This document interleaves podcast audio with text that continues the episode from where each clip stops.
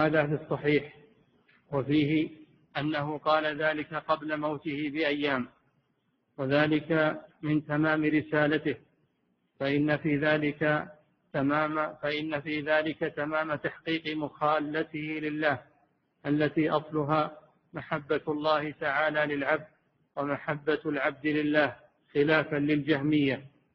بسم الله الرحمن الرحيم. الحمد لله والصلاة والسلام على رسول الله نبينا محمد وعلى آله وأصحابه أجمعين. اتخاذ القبور مساجد معناه كما سبق أن يصلى عندها رجاء بركتها أو أن الصلاة عندها أفضل من الصلاة في مكان آخر. وإن كان المصلي لا يصلي إلا لله. أما إن صلى يريد القبر يريد بصلاته صاحب القبر فهذا شرك أكبر مخرج من الملة. أما إن صلى لله ولكن صلى عند القبر يريد بذلك شفاعة الميت أو قبول صلاته فهذه بدعة بدعة شنيعة وسيلة من وسائل الشرك. الصلاة اتخاذ القبور مساجد معناه اتخاذها مصليات صلى عندها سواء بني مسجد عليها أو لم يبنى هذا معنى اتخاذ القبور مساجد. التفصيل كما ذكرنا كان يصلي للقبر فهذا شرك أكبر.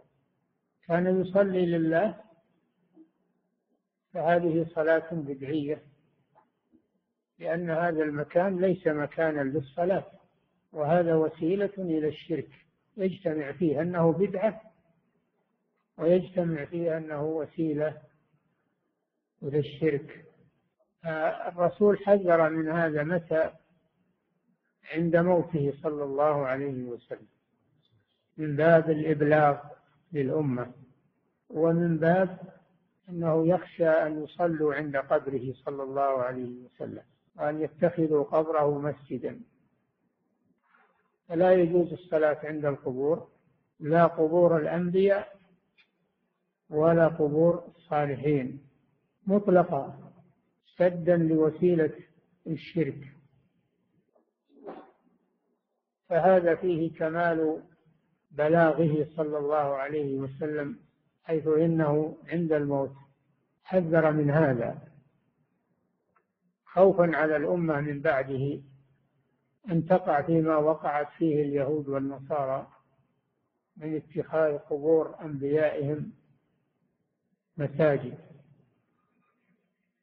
هذا من كمال شفقته صلى الله عليه وسلم وكمال نصحه وكمال البلاغ للأمة.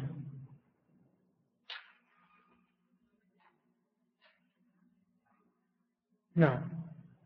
وفيه أنه قال ذلك قبل موته بأيام وذلك قبل موته بثلاث قيل ثلاثة أيام وقيل أكثر من ذلك.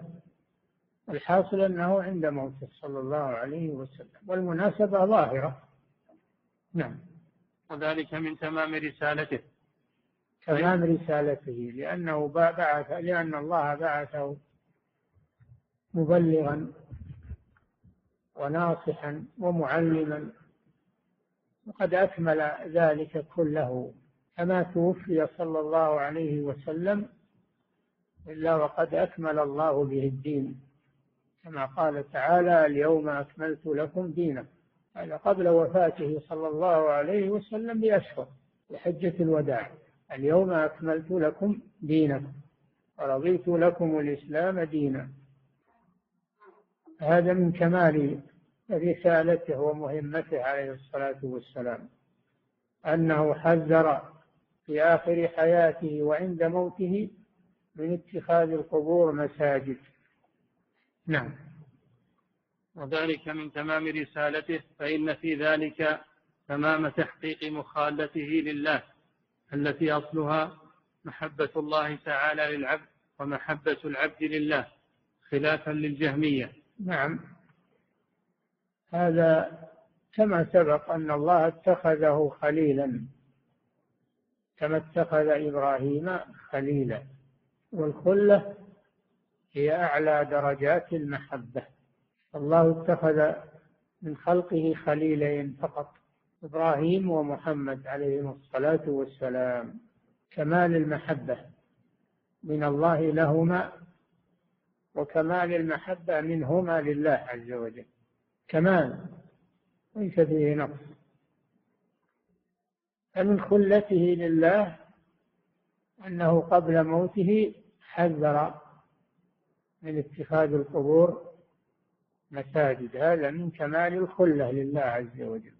الله يحب عباده يحب عباده المؤمنين كلهم ولكن الخلة لم تحصل إلا لاثنين فقط. ومن عداهما فالله يحبه لكن لم يبلغ إلى درجة الخلة. فهي كمال المحبة من الله لعبده وكمال المحبة من العبد لله عز وجل. وهذا الكمال لم ينله إلا الخليلان عليهما الصلاة والسلام ومن عداهما فقد نال من محبة الله كثيرا لكن لم يبلغ إلى الخلة.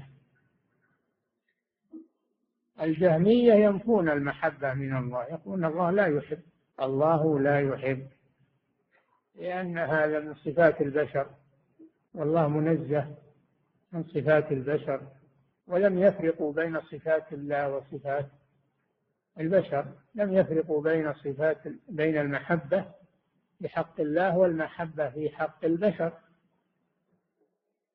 لذلك نفوا أن يكون الله يحب أحدا من خلقه. وهذا مخالف لقوله تعالى فسوف يأتي الله بقوم يحبهم ويحبونه أثبت أنه يحبهم وأنهم يحبونه. في هذا رد على الجهمية ومن سلك مسلكهم من المعتزلة والأشاعرة وغيرهم من نفاة الصفات. نعم. وفي ذلك تحقيق توحيد الله وأن لا يعبدوا إلا إياه. تحقيق توحيد الله تقدم لنا في أكثر من مرة أن من حقق التوحيد دخل الجنة بلا حساب ولا عذاب. تحقيق التوحيد هو تصفيته هي تصفيته من الشرك والبدع والمحدثات والمعاصي. وهذا كمال التوحيد. هناك توحيد وهناك تحقيق التوحيد. فالمؤمنون كلهم موحدون ولله الحمد لكن لم يحقق التوحيد منهم إلا القليل الذين بلغوا مرتبة السابقين الذين بلغوا مرتبة السابقين المقربين هم الذين حققوا التوحيد وهم الذين يدخلون الجنة بلا حساب ولا عذاب. أما بقية الموحدين فيدخلون الجنة ولكن قد يكون هناك حساب وهناك عذاب ثم يدخلون الجنة. نعم. وفي ذلك تحقيق توحيد الله وأن لا يعبدوا إلا إياه ردا على أشباه المشركين. ردا على أشباه المشركين الذين الذين يسوغون الصلاة عند القبور ويسوغون البدع والمحدثات. نعم. وفيه رد على الرافضة الذين يبخسون الصديق رضي الله عنه حقه وهم أعظم المنتسبين إلى القبلة إشراكا بعبادة علي وغيره من البشر. وفيه رد على الرافضة رد على المبتدعة عموما. والخرافيين وفيه رد على الرافضة خصوصا الذين يسبون الصديق أبا بكر رضي الله عنه ويتنقصونه. مع أن الرسول صلى الله عليه وسلم قال في حقه كما سبق لو كنت متخذا من أهل الأرض خليلا لاتخذت أبا بكر خليلا. فهذا فيه فضل الصديق ومحبة الرسول صلى الله عليه وسلم له لكنه لم يتخذه خليلا لأن الرسول خليل الله والخلة لا تقبل الشركة. فلو فرض أن الرسول اتخذ خليلا من أصحابه اتخذ أبا بكر خليلا لشدة محبته له. وشدة فضل الصديق رضي الله عنه ومؤازرته ومناصرته للرسول صلى الله عليه وسلم وقوة إيمانه ويقينه الراسخ. نعم. والخلة هي كمال المحبة المستلزمة من العبد كمال العبودية لله ومن الرب سبحانه كمال الربوبية لعباده الذين يحبهم ويحبونه. نعم الخلة هي تمام المحبة وهي أعلى درجات المحبة. وكما سبق أن الله جل وعلا يحب كل مؤمن وكل متقي وكل محسن والله يحبه لكن لم يبلغ إلى أعلى درجات المحبة. وهي الخلة. فالمسلمون متفاوتون في نيل محبة الله عز وجل ولكن كل منهم لم يصل إلى إلى الخلة. لم يصل إليها إلا الخليلان عليهما الصلاة والسلام. نعم. ولفظ العبودية يتضمن كمال الذل وكمال الحب. فإنهم نعم. العبودية هي كمال الحب مع كمال الذل لله عز وجل. المحبة التي معها ذل للمحبوب هذه عبودية. وأما المحبة التي ليس معها ذل للمحبوب فليست عبودية كما تحب المال وتحب الزوجة والأولاد الصديق هذه ليس معها ذل. محبة بدون ذل هذه ليست عبودية هذه محبة طبيعية. محبة طبيعية. أما المحبة التي معها ذل وخضوع للمحبوب فهي عبودية. وإن كان ذلك لله فهذا هو المؤمن. وإن كان ذلك لغير الله فهو المشرك. فالمشرك المشرك يحب معبوداته حبا عظيما ما عبدها إلا لأنه يحبها وذل لها وقاتل دونها وأنه يحبها المحبة التي معها الذل والخضوع هذه عبودية سواء كانت لله أو لغيره. ولهذا يقول ابن القيم وعبادة الرحمن غاية حبه مع ذل عابده. وهما قطبان. المحبة والذل قطب العبادة. عليهما فلك العبادة دائما ما دار حتى قامت القطبان. ومداره بالأمر أمر رسوله لا بالهوى والنفس والشيطان. هذا هذا تعريف المحبة. أنها غاية الحب مع غاية الذل هذا تعريف العبودية من حيث الإجمال. من حيث التفصيل كما سبق العبادة اسم جامع. كل ما يحبه الله ويرضاه من الأعمال والأقوال الظاهرة والباطنة. الحاصل أن المحبة إن كان معها ذل وخضوع للمحبوب فهي عبادة وإن لم يكن معها ذل ولا خضوع فليست عبادة وإنما هي محبة طبيعية. لا يؤاخذ عليها الإنسان. إلا إذا قدمها على محبة الله ورسوله فإنه يؤاخذ على ذلك. قل إن كان آباؤكم وأبناؤكم إلى قوله تعالى أحب إليكم من الله ورسوله وجهاد في سبيله فتربصوا حتى يأتي الله بأمره. أنت إذا أحببت هذه الأشياء لا تؤاخذ على ذلك إلا إذا قدمتها على محبة الله عز وجل. بحيث إذا تعارضت معها محبة الله قدمتها فهذا فيه وعيد شديد. أما إذا لم تقدمها على محبة الله فلا إنك لا تؤاخذ على ذلك. والعبادة قائمة على المحبة وعلى الرجاء والخوف. محبة معها رجاء وخوف. يقولون يشبهون هذا بالطائر. يقولون العبودية مثل الطائر. المحبة رأسه والخوف والرجاء جناحاه. فإذا وجد الرأس ووجد الجناحان سليمان طار الطائر. وإذا فقد الرأس مات الطائر. وإذا انكسر أحد الجناحين تعطل الطائر. لا بد من سلامة الأمور الثلاثة المحبة والخوف والرجاء.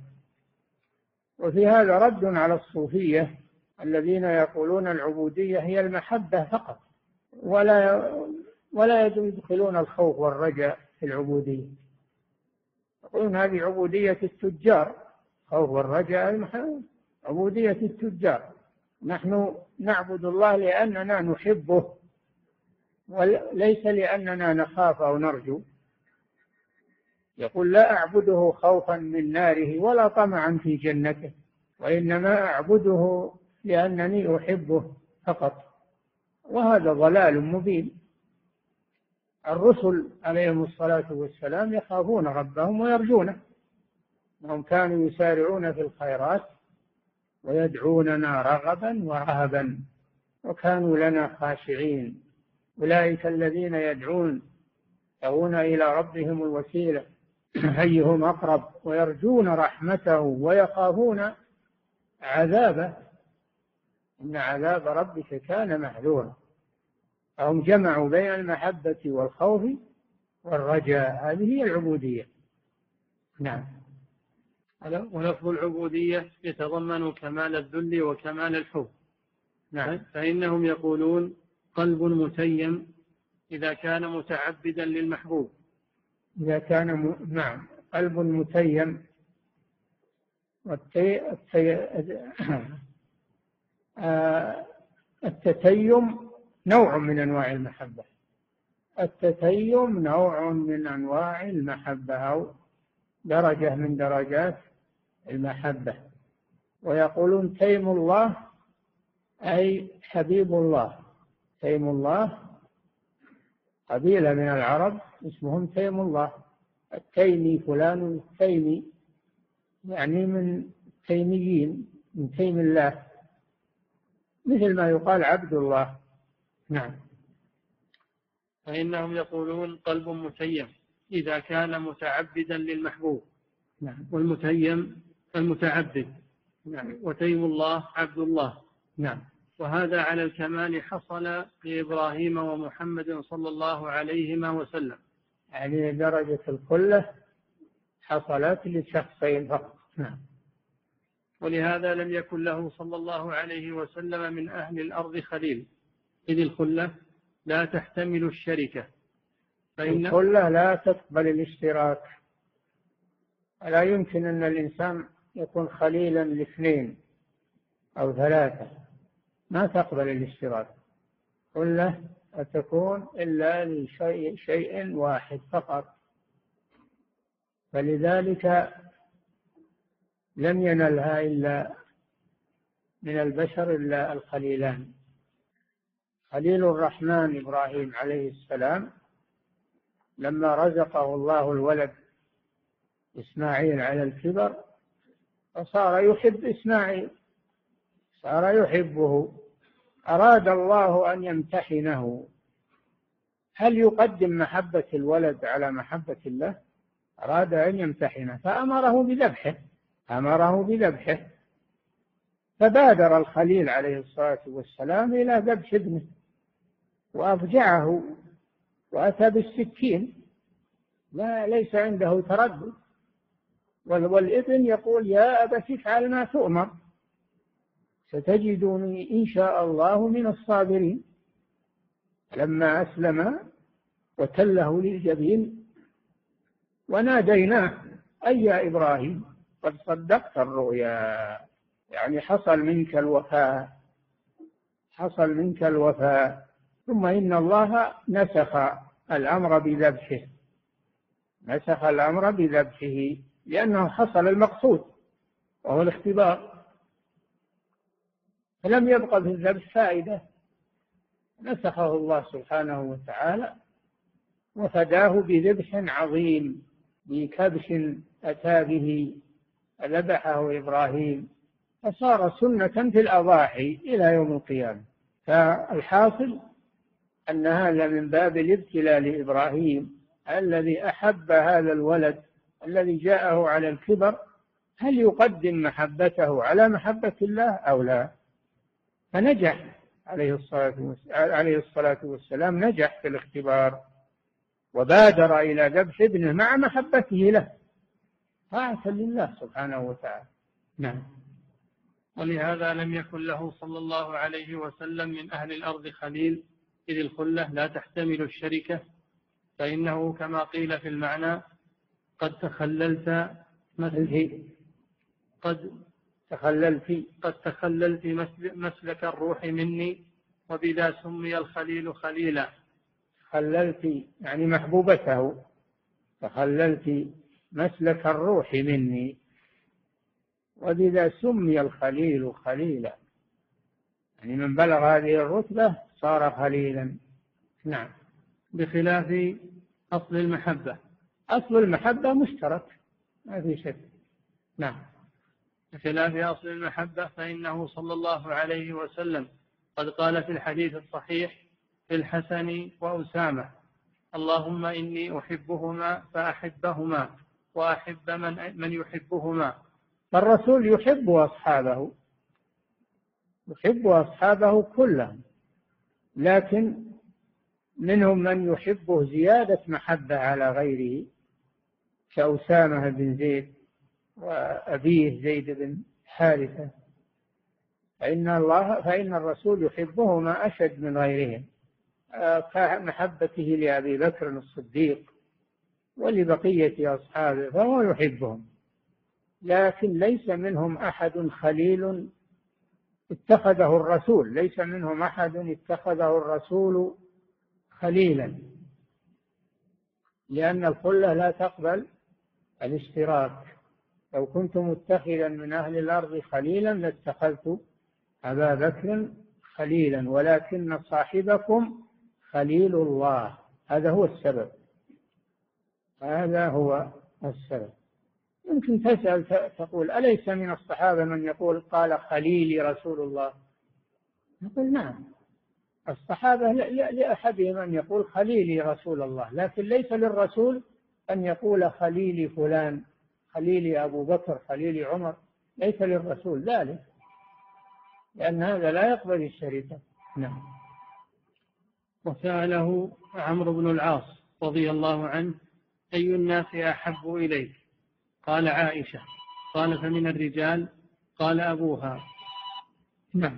وقال في هذا فيه دليل على أن الرسول يحب أصحابه كلهم وإن كان يفضل بعضهم على بعض في المحبة. أما الخلة فإنه لا يحب مع الله أحدا. نعم. وقال في حق علي رضي الله عنه لأعطين الراية غدا رجلا يحب الله ورسوله ويحبه الله ورسوله. فأثبت أن الله ورسوله يحبان علي رضي الله عنه. أن الله ورسوله يحبان علي رضي الله عنه. وعلي رضي الله عنه أيضا يحب الله ورسوله. هذا مثل قوله فسوف يأتي الله بقول يحبهم ويحبونه. هذا فيه فضيلة لعلي بن أبي طالب رضي الله عنه. نعم. وأمثال ذلك كثير. أمثال ذلك مما يدل على أن الرسول صلى الله عليه وسلم يحب أصحابه ويفضل بعضهم على بعض في المحبة. الأدلة في هذا كثيرة وهذا لا يتعارض مع أنه خليل الله لأنهم لم تبلغ محبة محبته لهم إلى مرتبة الخلة وإنما هي دون ذلك. نعم. وقد أخبر الله سبحانه وتعالى أنه يحب المتقين. نعم الله في آيات كثيرة أخبر أنه يحب المؤمنين يحب المتقين يحب المحسنين يحب التوابين ويحب المتطهرين. المحبة مشتركة لكن الخلة لا ليست مشتركة. نعم. وقد أخبر الله سبحانه وتعالى أنه يحب المتقين ويحب المحسنين ويحب المقسطين ويحب التوابين ويحب المتطهرين نعم. ويحب الذين يقاتلون في سبيله صفا كأنهم بنيان مرصوص. وقال فسوف يأتي الله بقوم يحبهم ويحبونه. نعم. كل هذا يثبت أن المحبة موجودة بين الله وبين المؤمنين ولكن درجة الخلة هذه لم تحصل إلا لاثنين من البشر. إبراهيم ومحمد عليهما الصلاة والسلام. المحبة تقتضي الاشتراك لا مانع. أن تحب عشرة عشرين ثلاثين لكن الخلة لا. لا تشترك فيها إلا واحد فقط. نعم. فقد أخبر بمحبته لعباده المؤمنين ومحبة المؤمنين له حتى قال والذين آمنوا أشد حبا لله. نعم فالله جل وعلا قال ومن ومن الناس من يتخذ من دون الله أندادا يحبونهم كحب الله. والذين آمنوا أشد حبا لله. فالمؤمنون يحبون الله محبة خالصة. لا يحبون الأصنام والأشجار والأحجار لا يشركون في المحبة. أما المشركون فإنهم يحبون الله لكنهم أشركوا معه غيره في المحبة ويحبون الأصنام والأنداد والأشجار والأحجار. هذا شرك في المحبة. المؤمنون أشد حبا لله لأن محبتهم خالصة لله. أما المشركون فمحبتهم لله مشتركة فهي باطلة. نعم. أما الخلة فخاصة. وقول بعض الناس إن محمدا حبيب الله وإبراهيم خليل الله. هذا غلط. قال بعض الناس محمد حبيب الله ولذلك يرددون حبيب الله. هذا نقص في حق الرسول صلى الله عليه وسلم. الرسول خليل الله. أما المحبة فهي مشتركة بين بين المؤمنين. كلهم حبيب الله. ليس للرسول خاص خلاف الخلة. فحقه أن يقال خليل الله. هذا حق الرسول صلى الله عليه وسلم. وأما الذين يقولون إبراهيم خليل الله ومحمد حبيب الله فهذا غلط. هذا غلط وجهل في حق الرسول صلى الله عليه وسلم. نعم. وقول بعض الناس إن محمدا حبيب الله وإبراهيم خليل الله وظنه أن المحبة فوق الخلة قول ضعيف فإن محمدا أيضا خليل الله. كما نعم. ثبت كما ثبت ذلك في الأحاديث الصحيحة المستفيضة. ثبت في الأحاديث الصحيحة المستفيضة ثبوت الخلة لرسول الله صلى الله عليه وسلم. كما اتخذ الله إبراهيم خليلا. نعم. وما يروى أن العباس يحشر بين حبيب وخليل وأمثال ذلك فأحاديث موضوعة لا تصلح أن يعتمد عليها. هذا كذب وافتراء.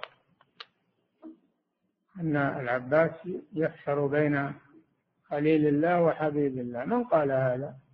نعم. وقد قدمنا أن محبة الله تعالى هي محبته ومحبة ما أحب كما في الصحيح نعم. محبة الله هذه هي أصل العبودية. وهناك محبة تابعة لمحبة الله. تابعة لمحبة الله. وهي المحبة في الله ولله. محبة الرسول صلى الله عليه وسلم. هذه تابعة لمحبة الله. ومحبة المؤمنين من أجل الإيمان هذه تابعة لمحبة الله. وهو ما يسمى بالحب في الله والبغض في الله عز وجل. نعم. وقد قدمنا أن محبة الله تعالى هي محبته ومحبة ما أحب. نعم. كما في الصحيحين عن النبي صلى الله عليه وسلم محبة ما أحب من الأعمال الصالحة وما من أحب من العباد الصالحين. هذه تابعة لمحبة الله. وهي محبة في الله ولله عز وجل. نعم. كما في الصحيحين عن النبي صلى الله عليه وسلم أنه قال ثلاث من كن فيه وجد حلاوة الإيمان. من كان الله ورسوله أحب إليه مما سواهما. ومن كان يحب المرء لا يحبه إلا لله. ومن كان يكره أن يرجع في الكفر بعد إذ أنقذه الله منه كما يكره أن يلقى في النار. نعم. الإيمان له حلاوة له حلاوة ما كل مؤمن يجدها إنما يجدها الخواص من المؤمنين. هذه الحلاوة متى يجدها الإنسان؟ في هذا الحديث. ثلاث من كن فيه إذا أردت أن تختبر نفسك هل فيك حلاوة إيمان؟ إن كانت فيك هذه الثلاث فعندك حلاوة الإيمان. ثلاث من كن فيه وجد بهن حلاوة الإيمان. أن يكون الله ورسوله أحب إليه مما سواهما وأن يحب المرء لا يحبه إلا لله وأن يكره أن يعود في الكفر. بعد إذا أنقذه الله منه كما يكره أن يقذف في النار. فإذا بلغت هذه المرتبة أن يكون الله ورسوله أحب إليك مما سواهما. أن تحب المرء لا تحبه إلا لله. ما تحبه لأجل قرابة لأجل نسب لأجل مال إنما تحبه لله فقط. لا يحبه إلا لله. أن تكره ما يكرهه الله كما تكره أن تقذف في النار. الله يكره الكفر فأنت تكره أن تعود في الكفر لأن الله يكرهه كما تكره أن تقذف في النار. إذا وجدت هذه الثلاث فأبشر بحلاوة الإيمان. نعم. أخبر النبي صلى الله عليه وسلم أن من كان فيه هذه الثلاث وجد حلاوة الإيمان. لأن وجد الحلاوة بالشيء. الحلاوة هي اللذة. الحلاوة هي اللذة. نعم. تلذذ بالإيمان بالأعمال الصالحة. قد يعمل الإنسان الأعمال الصالحة لكن من باب الطاعة. لا يجد لها لذة في أول الأمر. بل قد يجد لها مشقة وتعب ومجاهدة مع النفس. في النهاية يتلذذ بها. إذا تلذذ بها هذا دليل على حلاوة الإيمان على أنه وجد حلاوة الإيمان. إذا تلذذ بالطاعات فإن هذا دليل على حلاوة الإيمان. نعم. وإلا كل مؤمن فهو يطيع الله ويصلي ويصوم و... ويجاهد في سبيل الله ولكن ويقوم من الليل لكن هل يتلذذ بهذا أو لا؟ هذا هو السؤال. إن كان يتلذذ بهذا هذا دليل على حلاوة الإيمان. إن كان لا يتلذذ هذا دليل على أنه ما وجد حلاوة الإيمان. وإن كان مؤمنا نعم. أخبر النبي صلى الله عليه وسلم أن من كان فيه هذه الثلاث وجد حلاوة الإيمان. لأن الإيمان يتفاضل كما هو معلوم. ما هو على درجة واحدة. الإيمان يتفاضل. نعم.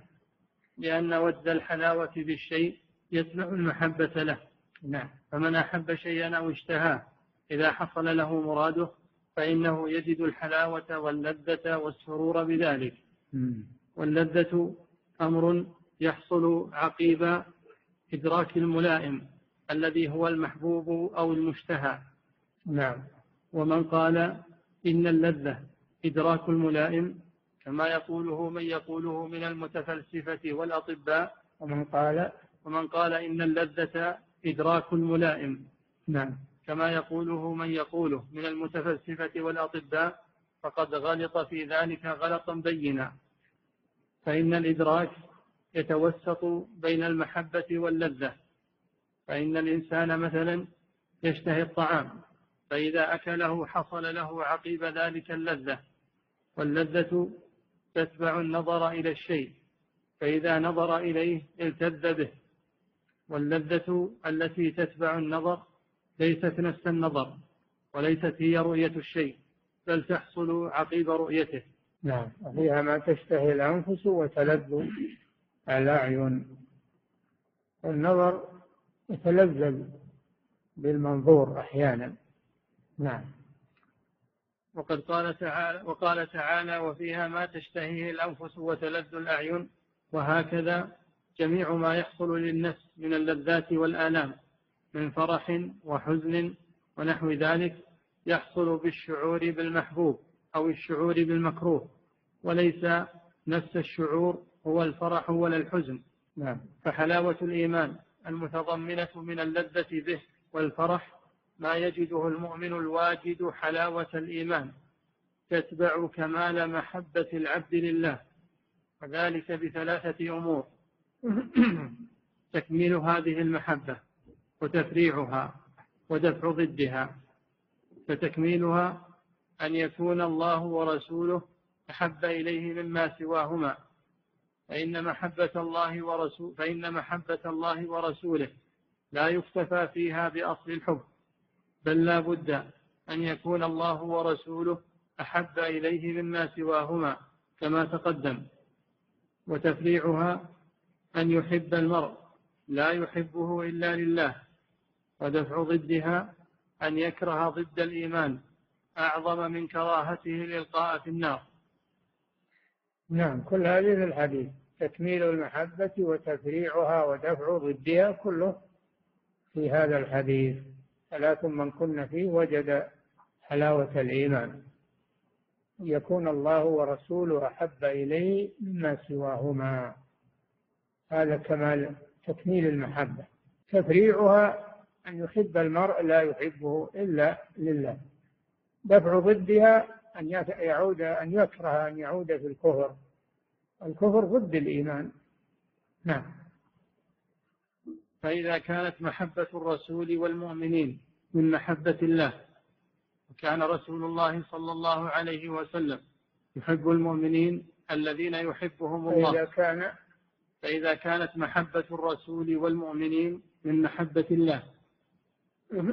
نعم. وكان الرسول وكان رسول الله صلى الله عليه وسلم يحب المؤمنين الذين يحبهم الله لأن أكمل الناس محبة لله وأحقهم بأن يحب ما يحبه الله ويبغض ما يبغضه الله بأن يحب ما يحبه الله ويبغض ما يبغضه الله. والخلة ليس لغير الله فيها نصيب. بل قال لو كنت متخذا من أهل الأرض خليلا اتخذت أبا بكر خليلا.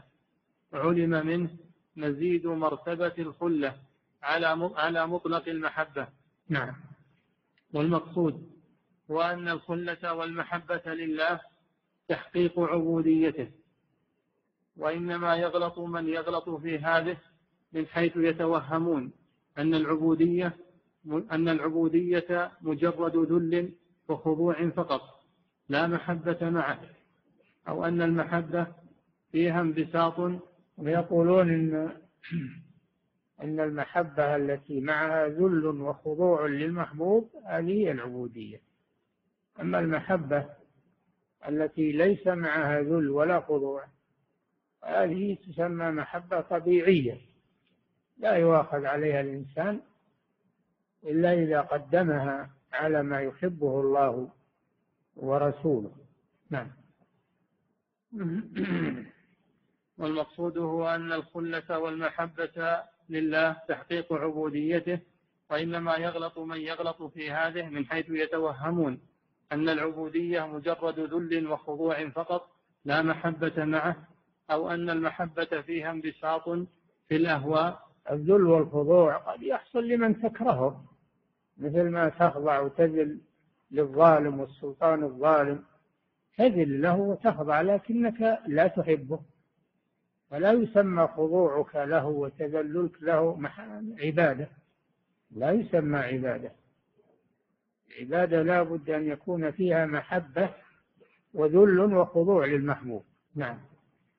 فعلمنا أن المحبة التي ليس معها ذل ولا خضوع هذه ليست عبادة. وأن الذل والخضوع الذي ليس معهما محبة ليس عبادة. نعم. وإنما يغلط من يغلط في هذه من حيث يتوهمون. أن العبودية مجرد ذل وخضوع فقط لا محبة معه أو أن المحبة فيها انبساط في الأهواء أو إدلال لا تحتمله الربوبية. ولهذا يذكر عن ذي النون المصري أنهم تكلموا عنده في مسألة المحبة فقال أمسكوا عن هذه المسألة لا تسمعها النفوس فتدعيها. نعم. وكره من كره من أهل المعرفة والعلم. مجالسة أقوام يكثرون الكلام في المحبة بلا خشية. وقال من قال من السلف من عبد الله بالحب وحده فهو زنديق ومن عبده بالرجاء وحده فهو مرجع ومن عبده بالخوف وحده فهو حروري ومن عبده بالحب والخوف والرجاء فهو مؤمن موحد. نعم فالعبادة هي العبادة هي المحبة والخوف والرجاء مجتمعة. هذه الأمور مجتمعة. هذه هي العبادة. أما المحبة فقط كما يدعيه الصوفية ويقولون العبادة هي المحبة فقط وليس معها خوف ولا رجاء هذه زندقة ضلال هذا زنديق. والذي يعبد الله بالخوف فقط ولا يرجو هذا حروري يعني خارجي. هذه عبادة الحرورية الخوارج. والذي يعبد الله بالرجاء فقط ولا يخاف ولا يحب هذا مرجي هذا من المرجئة. وكلا الطوائف ضالة. أما من جمع هذه الأمور الثلاثة فهذا هو المؤمن الذي يحب ويذل ويخاف ويرجو هذا هو العبودية التامة لله عز وجل. نعم. ولهذا وجد في المتأخرين. ولهذا يقولون نعم. وقال من قال من السلف من عبد الله بالحب وحده فهو زنديق. كما تدعيه الصوفية نعم. ومن عبده بالرجاء وحده فهو مرجئ. نعم. الرجاء فقط. المرجئة يقولون لا يضر مع الإيمان معصية كما لا ينفع مع الكفر طاعة. هذا هو الإرجاء. نعم. ومن عبده بالخوف وحده فهو حروري. حروري يعني من الخوارج. سمي بالحرورية لأنهم اجتمعوا في مكان العراق يسمى حرورا وسموا بالحرورية. نعم. ومن عبده بالحب والخوف والرجاء فهو مؤمن موحد. نعم. ولهذا وجد في المتأخرين من انبسط في دعوى المحبة حتى أخرجه ذلك إلى نوع من الرعونة والدعوى التي تنافي العبودية. كالصوفية نعم. وتدخل العبد في نوع الربوبية التي لا تصلح إلا لله. فيدعي أحدهم دعاوى تتجاوز حدود الأنبياء والمرسلين. أو يطلب من الله ما لا يصلح بكل وجه إلا لله لا يصلح للأنبياء ولا للمرسلين. وهذا باب وقع فيه كثير من الشيوخ. وسببه من الشيوخ يعني الصوفية نعم. وسببه ضعف تحقيق العبودية التي بينها الرسل وحررها الأمر والنهي الذي جاءوا به بل ضعف العقل الذي به يعرف العبد الذي به يعرف العبد حقيقته. وإذا ضعف العقل وقل العلم بالدين وفي النفس محبة طائشة جاهلة انبسطت النفس بحمقها في ذلك. كما ينبسط الإنسان في محبة الإنسان مع حمقه وجهله. فيكون ذلك سببا لبغض المحبوب له ونفوره عنه بل سببا لعقوبته. نعم. وكثير من السالكين سلكوا في دعوى حب الله أنواعا من أمور الجهل بالدين. كثير وكثير من السالكين سلكوا في دعوى سالكين يعني, يعني الصوفية نعم. وكثير من السالكين سلكوا في دعوى حب الله أنواعا من أمور الجهل بالدين. إما من تعدي حدود الله وإما من تضييع وإما من تضييع حقوق الله. وإما من ادعاء الدعاوى الباطلة التي لا حقيقة لها كقول بعضهم أي مريد لي ترك أحدا من المؤمنين يدخل في النار فأنا بريء منه. نعم. كقول بعضهم أي مريد لي ترك أحدا من المؤمنين يدخل في النار فأنا بريء منه. فقال الآخر نعم. هذا من الشيوخ الصوفية يقول لتلاميذه تلميذ يسمونها المريد. المريد يقول لا تخلون أحد يدخل النار. أطلعوا الناس من النار وادخلوهم بالجنة. اللي يخلي أحد يدخل بالنار من المؤمنين؟ هذا أنا بريء منه. وهل يملكون هذا؟ يكون أنهم يمنعون الناس من دخول النار بأعمالهم وهل أحد ينقذ من النار إلا الله سبحانه وتعالى؟ نعم. فيدعون مرتبة لم يصلوا إليها بسبب الغرور والجهل. نعم.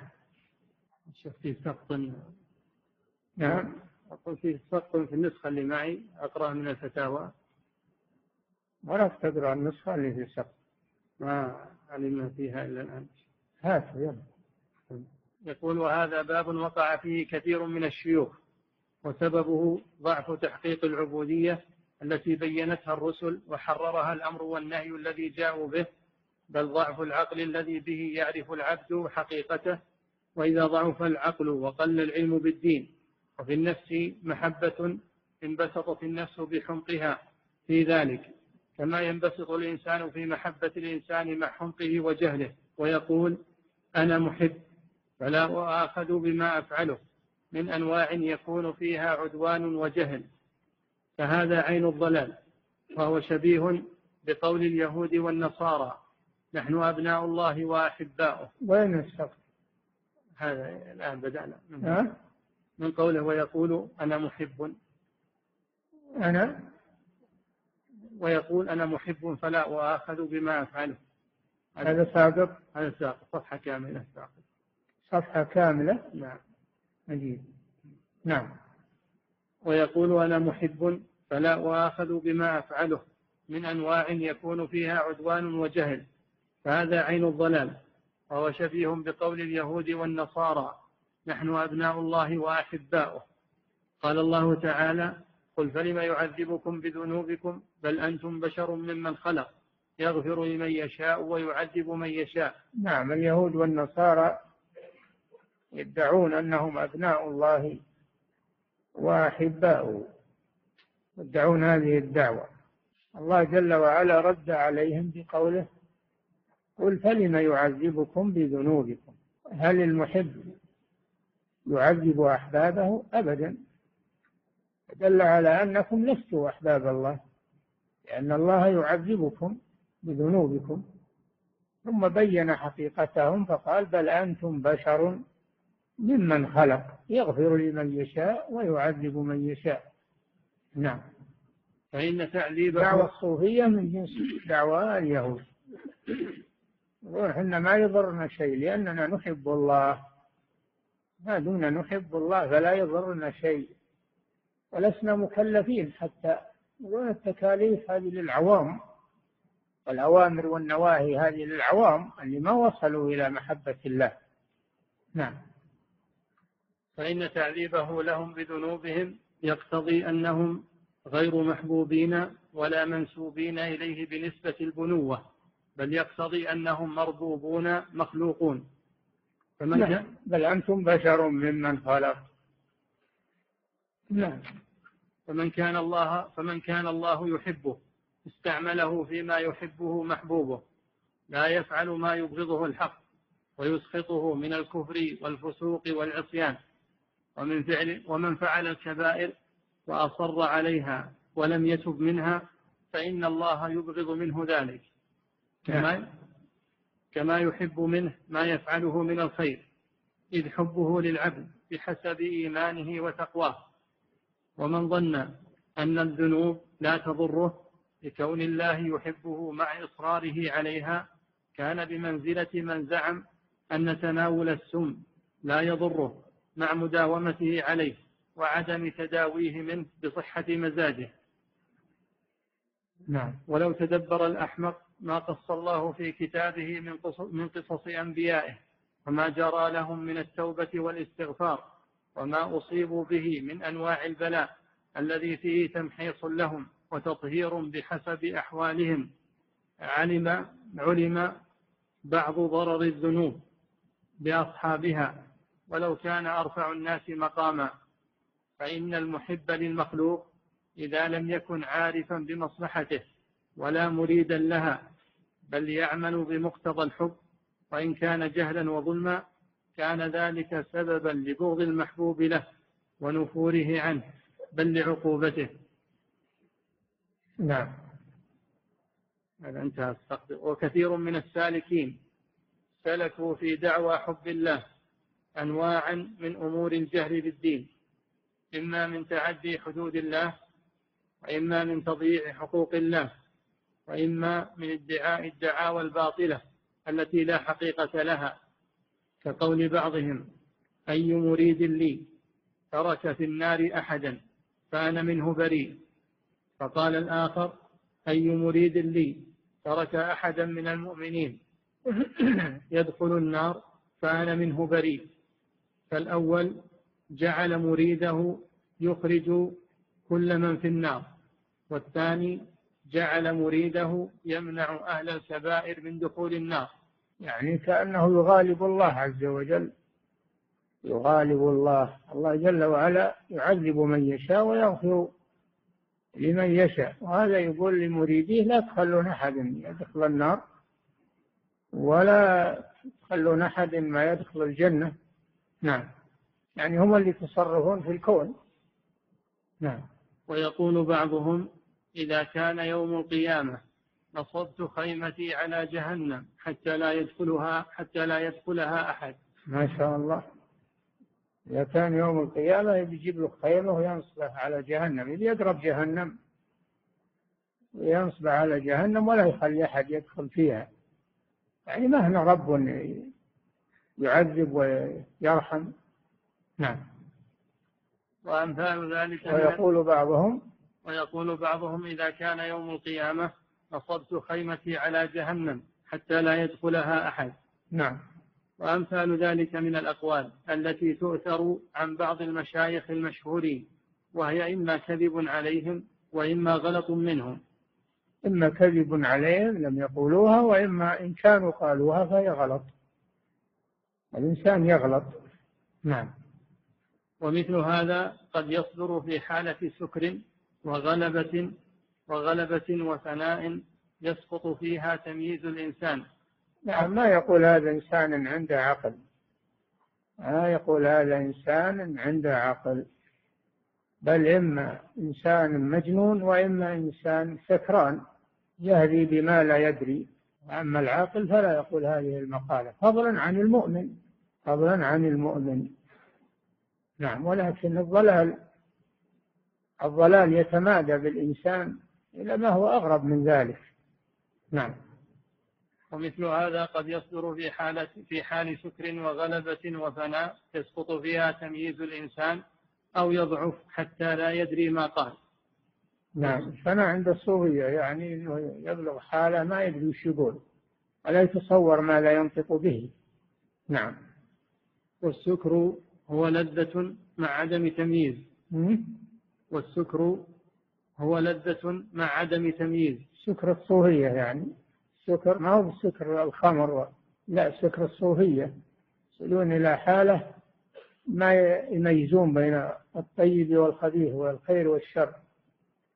لأن الشيطان يحملهم إلى مثل هذه الأمور. نعم. والسكر هو لذة مع عدم تمييز ولهذا كان بين هؤلاء من إذا صحى استغفر من ذلك الكلام. والذين توسع والذين توسعوا من والذين توسعوا من الشيوخ في سماع القصائد المتضمنة للحب والشوق واللوم والعدل والغرام كان هذا أصل مقصدهم. ولهذا أنزل الله للمحبة محنة يمتحن بها المحب. فقال قل إن كنتم تحبون الله فاتبعوني يحببكم الله. ولا يكون محبا لله إلا من يتبع رسوله. وطاعة الرسول ومتابعته تحقيق العبودية. نعم. قال الله جل وعلا لرسوله محمد صلى الله عليه وسلم أن يقول لليهود والنصارى الذين يزعمون أنهم يحبون الله قل إن كنتم تحبون الله فاتبعوني يحببكم الله ويغفر لكم ذنوبكم والله غفور رحيم. قل أطيعوا الله والرسول فإن تولوا فإن الله لا يحب الكافرين. هذا رد عليهم رد عليهم وامتحان لهم. إن كنتم تحبون الله كما تزعمون فاتبعوني فعلامة محبة الله اتباع رسوله. فمن زعم أنه يحب الله ولكنه لا يتبع رسوله فهو كاذب كالصوفية وأمثالهم. اتبعوني يحببكم الله ويغفر لكم ذنوبكم. هذه ثمرة المحبة. ثمرة المحبة لله عز وجل علامتها اتباع الرسول صلى الله عليه وسلم وثمرتها يحببكم الله ويغفر لكم ذنوبكم. هذه ثمرة محبة الله عز وجل. ذكر علامتها وذكر ثمرتها. نعم. فلا فلا يكون محبا لله إلا من يتبع رسوله. وطاعة الرسول ومتابعته تحقيق العبودية وكثير ممن يدعي المحبة يخرج عن شريعته وسنته ويدعي من الخيالات ما لا يتسع هذا الموضع لذكره حتى قد يظن أحدهم سقوط الأمر وتحليل الحرام له وغير ذلك مما فيه مخالفة شريعة الرسول وسنته وطاعته. بل نعم ليس هذا خاصا باليهود والنصارى. إن كنتم تحبون الله فاتبعوني هذا ليس خاصا. وإن كان السبب سبب نزول الآية هم اليهود والنصارى. لكن العبرة بعموم اللفظ فهذا عام في كل من يدعي محبة الله من الصوفية وغيرهم وهو لا يتبع الرسول. هذا كاذب. بل منهم من يرى سقوط الأمر والنهي عنه. يقول ما يحرم علي شيء ولا يجب علي شيء لأني وصلت إلى الله. هذه الأوامر والنواهي إنما هي للناس العوام. أما الخواص والعارفون بالله فليسوا بحاجة إلى الأمر ولا وليسوا بحاجة إلى اتباع الرسل لأنهم وصلوا إلى الله. الرسل إنما هم للعوام. أما نحن وصلنا إلى الله فلسنا بحاجة إلى الرسل ولا إلى الأمر ولا إلى النهي. نسأل الله العافية. نعم. بل قد جعل الله محبة محبته ومحبة رسوله الجهاد في سبيله. والجهاد يتضمن كمال محبة ما أمر الله به. إن الله يحب الذين يقاتلون في سبيله. وقتال في سبيل الله علامة على محبة الله.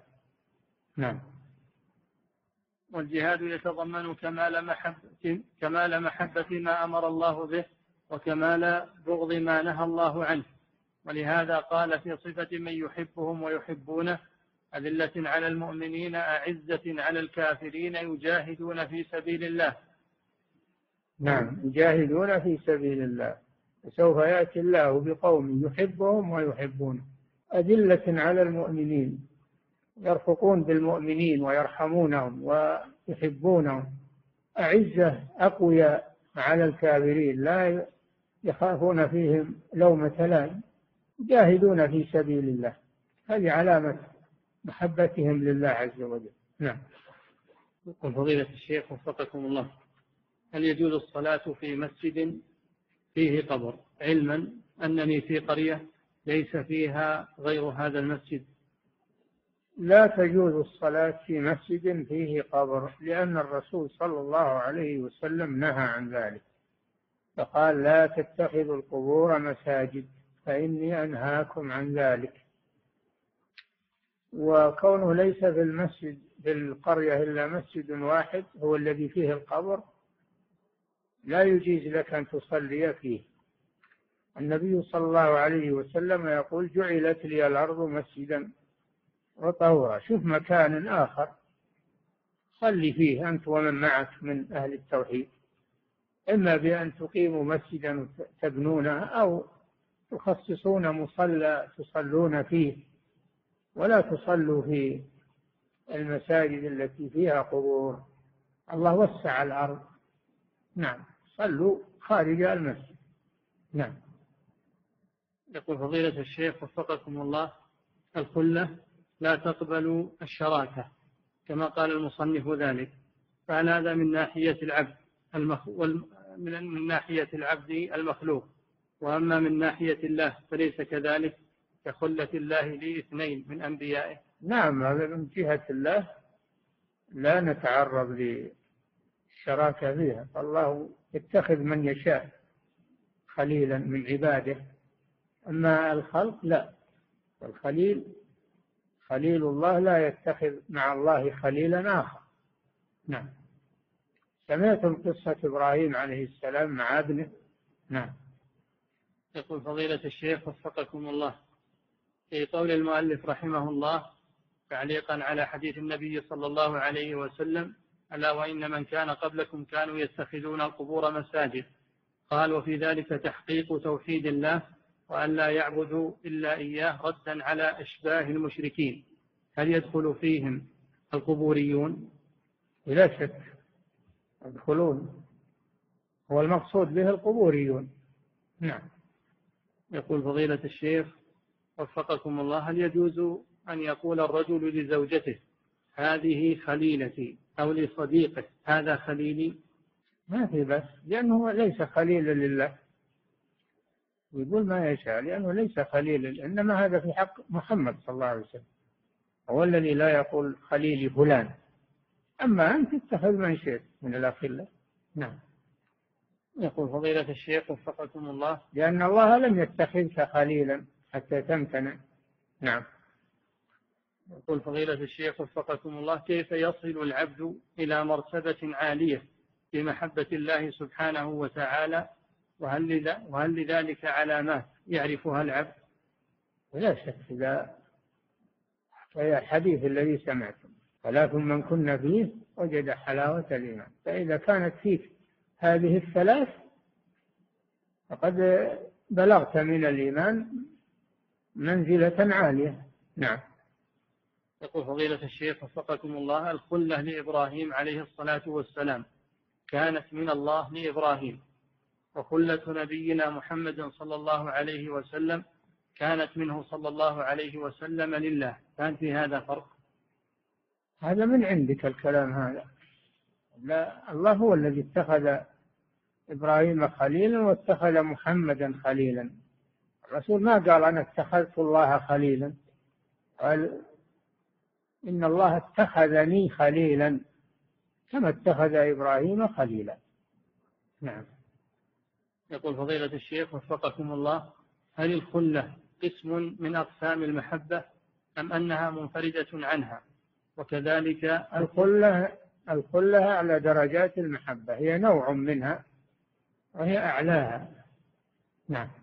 وكذلك التسيم هل هو من أقسام المحبة؟ من أقسام المحبة أقسام المحبة عشرة.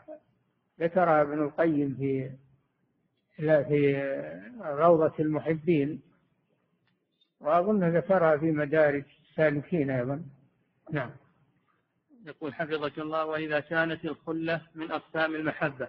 هي من أقسام المحبة هي أعلاها هي أعلاها.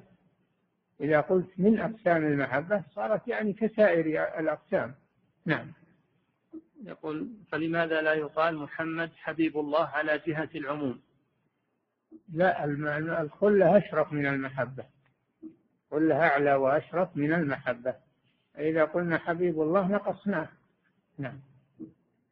يقول فضيلة الشيخ وفقكم الله في قول شيخ الإسلام ابن تيمية رحمه الله وهذا باب وقع فيه كثير من الشيوخ عندما تكلم على من أفرط في المحبة من الصوفية. هل وصفهم بالشيوخ يعتبر ثناء عليهم؟ لا هم يسمونهم الشيوخ. هم يسمونهم شيوخهم. الشيخ يذكر كلامهم هم. نعم. فضيلة الشيخ وفقكم الله محبة الوالدين. ويقولون اللي ما له شيخ شيخ الشيطان. الصوفية يقولون اللي ما له شيخ شيخ الشيطان. وهل هناك شيطان أعظم من من شياطينهم هؤلاء؟ نعم. يقول فضيلة الشيخ وفقكم الله محبة الوالدين والذل لهما. هل هي متفرعة عن محبة الله ورسوله؟ هذه محبة طبيعية ما لا ما تعلق بمحبة الله ورسوله. هذه محبة طبيعية جعلها الله في النفوس. نعم. ويدافعها إما الشفقة كمحبة الوالد لولده الشفقة والرحمة كمحبة الوالد لولده أو دافعها الاحترام والإجلال كمحبة الولد لوالده أو دافعها الصداقة والمخالطة كمحبة الصديق والرفيق. نعم. يقول فضيلة الشيخ وفقكم الله أو دافعها أو دافعها الشهوة كمحبة الزوج لزوجته ومحبة الإنسان للطعام أي دافعها الشهوة. نعم. يقول فضيلة الشيخ وفقكم الله بعض الناس يسمى أو اسمه إبراهيم فينادى بأبي خليل. هل يجوز مثل ذلك؟ لا بأس لأن خليل معنى اسم. يجوز تسمي خليل. يجوز يسمى الإنسان خليل ما فعل نعم. وهل يجوز التسمي بخليل الله؟ لا. ما يقال خليل الله. منه خليل الله؟ نعم. يقول فضيلة الشيخ وفقكم الله بعض بعض الشباب نرى منه تعظيما للكفار وثناء عليهم فنحذره من ذلك فيقول أنا أحبهم لاختراعاتهم أو لتطبيقهم الأنظمة ولا أحب دينهم. لا يجوز هذا. لا تحبهم لاختراعاتهم ولا لتطبيقهم الأنظمة بل تبغضهم لله عز وجل. وهذه ليست فضائل فيهم هذه مصالح يتخذونها لمصالحهم وليتعيشوا بها. نعم. يقول فضيلة الشيخ وفقكم الله بقوله سبحانه وتعالى أفرأيت من اتخذ إلهه هواه؟ هل اتخاذ الهوى إلها يصل إلى الشرك الأكبر؟ أحيانا يصل إذا يصل أحيانا إلى الشرك الأكبر. إذا إذا عبد غير الله أو ذبح لغير الله لأنه يهوى هذا ويحبه يصل به إلى الشرك الأكبر أو يصل به إلى الكبيرة من الكبائر أو إلى الذنوب الصغائر اتخاذ الهوى إلها يتفاوت. نعم. يقول فضيلة الشيخ وفقكم الله هل هناك ضابط في التفريق بين الشرك الأصغر والأكبر؟ نعم. الشرك الأكبر يخرج من الملة. الشرك الأصغر لا يخرج من الملة لكنه ينقص التوحيد. الشرك الأكبر يخرج من الملة وينافي التوحيد. الشرك الأصغر لا يخرج من الملة لكنه ينقص التوحيد ولا ينافيه. نعم. يقول فضيلة الشيخ وفقكم الله من صلى لصاحب قبر جاهلا ومغررا به. من صلى إيش؟ من صلى لصاحب قبر جاهلا ومغررا به. فهل يكون بذلك مشرك أم يعذر بجهله؟ لا يكون مشركا لأنه يقرأ في القرآن.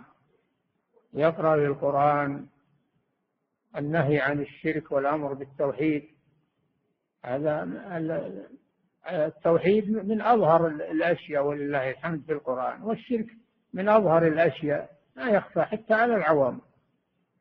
فكونه يصلي لمخلوق ويعبد مخلوق لا يعذر بذلك. نعم. يقول فضيلة الشيخ وفقكم الله كيف يحسن العبد ظنه بالله عز وجل؟ حسب الإيمان. إذا قوي إيمانه حسن ظنه بالله. نعم. يقول فضيلة الشيخ وفقكم الله لدي عدة قطع من الأراضي فهل تجب فيها الزكاة علما بأنني لم أعرضها للبيع؟ الكلام ما هو على العرض الكلام على النية. هل أنت تنويها للبيع أو لا تنويها؟ فإن كنت تنويها للبيع صارت عروض تجارة. تجب فيها الزكاة إذا تم عليها الحول. وأما إذا لم تنويها للبيع فليس فيها زكاة. نعم. يقول فضيلة الشيخ وفقكم الله من المعلوم أن الفقير يعطى من الزكاة ما يكفيه ويكفي أهله مدة سنة. هل يصح أن يقوم المزكي بشراء سيارة للفقير من الزكاة؟ حتى يتكسب هذه يتكسب هذا الفقير من السيارة وبهذا الطريق يتم سد حاجته. لا شك لا بأس بذلك أنه يشري له بيت يسكنه من الزكاة يشري له سيارة يستعملها ويؤجرها ويتعيش عليها من الزكاة. هذا شيء طيب. نعم. يقول فضيلة الشيخ وفقكم الله هل يجوز للمأموم خلف إمام يدعو القنوت يدعو بدعاء القنوت في رمضان. هل يجوز أن يرد عليه؟ إن أخطأ في الدعاء خطأ قبيحا. الرد يكون في خطأ في القرآن. إذا أخطأ الإمام في قراءة القرآن تفتح عليه. هذا الذي ورد أما الدعاء فبإمكانك إذا سلم من الصلاة تنبه على ذلك. نعم. يقول فضيلة الشيخ وفقكم الله إمامنا في رمضان يصل قراءته في صلاة التراويح بقراءته بالصلوات الجهرية من أجل أن يختم ويحمل المصحف في الفريضة. فما حكم عمله ذلك هذا من الكسل هذا من الكسل. بلغ بهم الكسل إلى أنهم يحسبون قراءة الفريضة من قراءة التراويح بل يحسبون قراءتهم وهم جالسون يعتبرونها أيضا من قراءة صلاة الليل. وهذا من الجهل ومن الكسل ولا حول ولا قوة إلا بالله. وأحدثوا محدثات كثيرة في صلاة التراويح وفي التهجد في رمضان أحدثوا فيها محدثات كثيرة نتيجة إما للجهل والغرور وإما للكسل والخمول. الواجب على هؤلاء إما أن يتقوا الله ويلتزموا بصلاة التراويح والتهجد كما كان عليه المسلمون في هذه البلاد وغيرها وإما أن يتركوا إمامة المساجد ولا يعبثوا في الصلاة ويحرموا المصلين من الأجر والثواب في هذه الليالي. عليهم أن يتقوا الله سبحانه وتعالى يقوموا بالأمانة التي تحملوها وإما أن يتركوها لغيرهم. نعم. يقول فضيلة الشيخ وفقكم الله هل عدم لبس الكمام في العمرة وفي الأماكن المزدحمة يعد من التوكل؟ التوكل على الله أن تأخذ بالأسباب.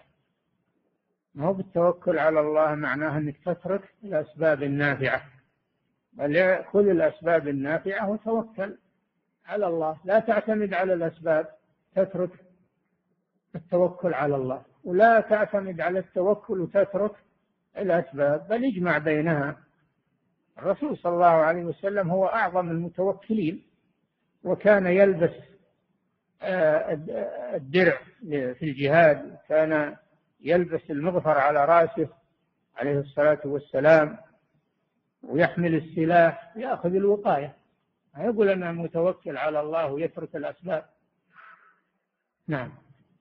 يقول فضيلة الشيخ وفقكم الله يقول أنا شاب أحب الأطفال ولا يخفى عليكم أن النبي صلى الله عليه وسلم قد حث على كثرة الإنجاب في أحاديث صحيحة. وتقول لي أمي نظم النسل إن نظمت نسلك فأنا راضية عنك وإن لم تنظم فلست راضية عنك. يقول هل لها ذلك؟ وهل يجب عليه أبد لا ترضى أبد. هذه معصية ولا يجوز لك تطيعها في معصية الله عز وجل. فإذا كانت لا ترضى إلا إذا عصيت الله فلا تطيعها نعم. فضيلة الشيخ وفقكم الله يقول أسرة جاءهم مبلغ للصدقة. السؤال نعم. أسرة جاءهم مبلغ من الصدقة. السؤال هل يجب على الزوجة أن تخبر زوجها بما جاءهم من المال؟ وهل يجوز لها أن تتصرف فيه بدون علم الزوج؟ الزوج هو المنفق ولا يحق للزوجة أن تأخذ الزكاة بدون إذن الزوج. لأن الزوج هو المنفق وهو القيم على البيت. وإذا أخذتها نيابة عنه فإنها تدفعها له وتخبره بذلك. نعم.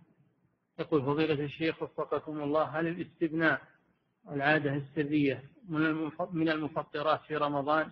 وهل يجب القضاء؟ نعم. إذا استمنى وخرج منه شيء فإنه يبطل صيامه.